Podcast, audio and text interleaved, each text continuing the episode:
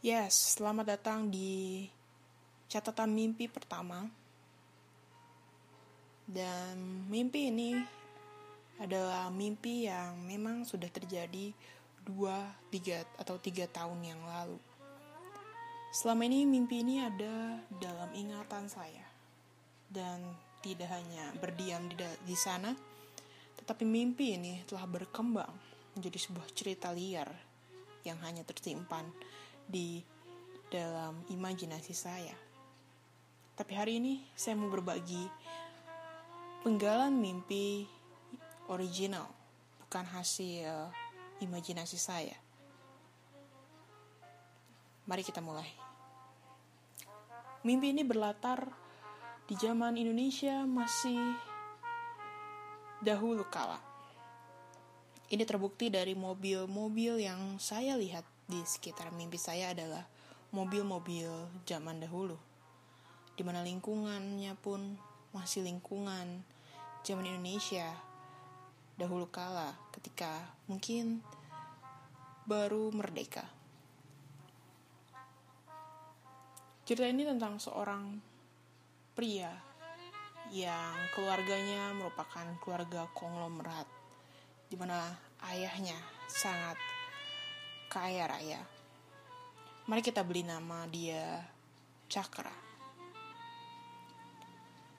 Cakra di awal mimpi saya diminta ayahnya untuk pergi ke suatu desa menghadiri pertemuan dengan rekan-rekan ayahnya. Terlihat Cakra sangat malas untuk ikut dalam pertemuan ini. Namun, demi kehormatan ayahnya, Cakra rela untuk ikut ke pertemuan yang ia pikir sangat membosankan. Kemudian, saya melihat Cakra dan ayahnya pergi menggunakan mobil ke sebuah daerah di Indonesia di mana daerah ini, desa ini, seperti dimiliki oleh satu orang, di mana banyak ladang yang sangat luas, lalu banyak perkampungan yang tertata rapi, namun memang sengaja ditata rapi oleh seorang pemilik. Dan benar saja, di tengah desa itu terdapat sebuah gedung yang sangat luas. Gedung seperti tempat-tempat menyimpan mobil. Dan mobil Cakra dan ayahnya memang menuju ke gedung itu.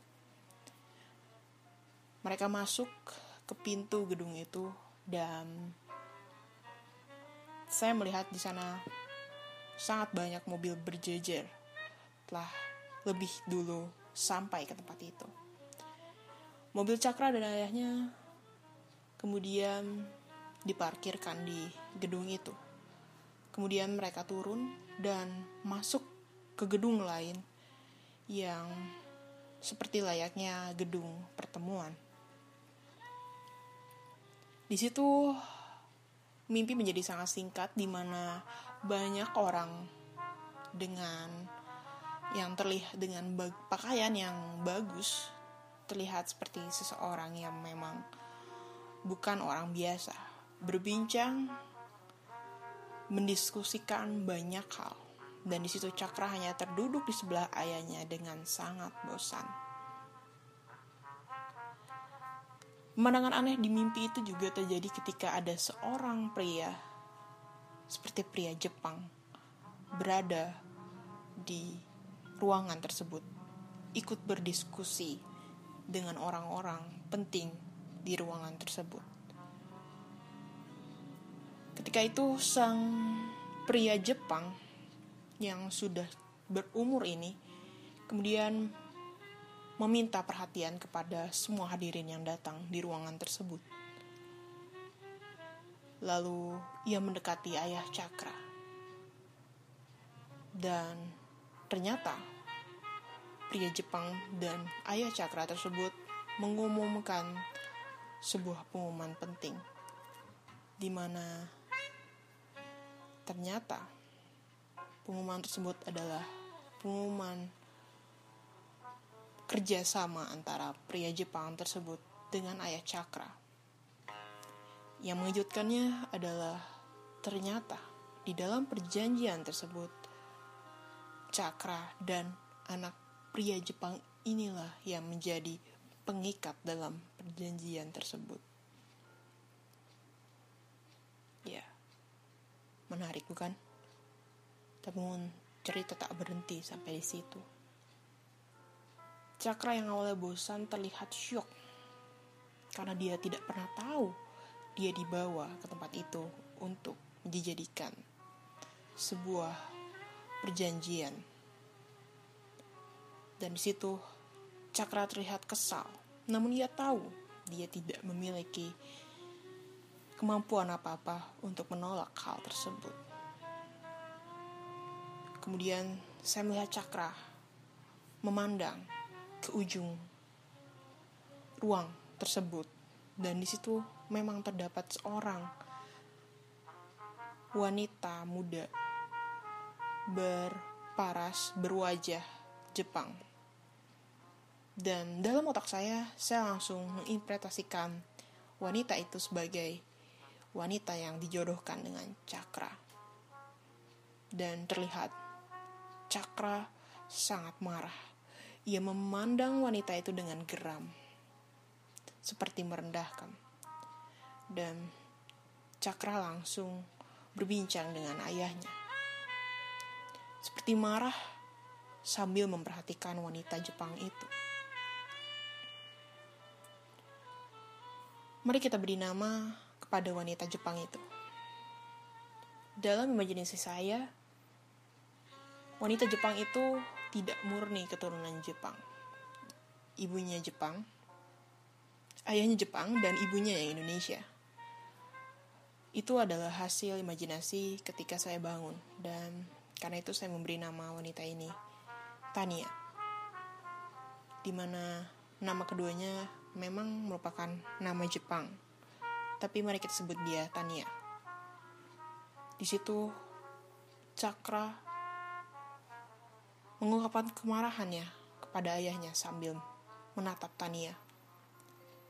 Dan Tania yang melihat kejadian itu merasa sangat takut, sangat sedih. Dalam pikirnya, Tania seperti merasa sangat sangat-sangat rendah karena bahkan seorang pria yang dijodohkan dengannya tidak ingin dengan dia.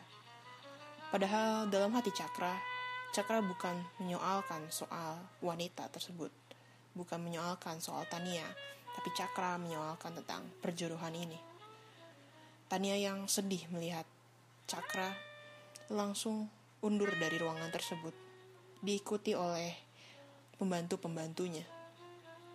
Di situ saya melihat Tania masuk ke sebuah ruangan, menangis sejadi-jadinya, menganggap dirinya adalah wanita rendahan yang tidak diingini oleh Cakra. Tania menangis di situ. Dan pembantu-pembantunya hanya dapat menghibur Tania. Cakra yang mencoba untuk mengambil udara segar akhirnya keluar dari ruangan tersebut. Tanpa sengaja, Cakra melihat Tania di ruangan di mana Tania menangis. Dan Cakra mendengar semua keluh kesah Tania pada pembantu-pembantunya tentang betapa sedihnya ia, betapa merasa ia rendah karena tidak diingini oleh Cakra. Dan Cakra yang melihat hal tersebut merasa sangat bersalah dan merasa sangat sedih. Ia merasa ia telah menyakiti hati seseorang.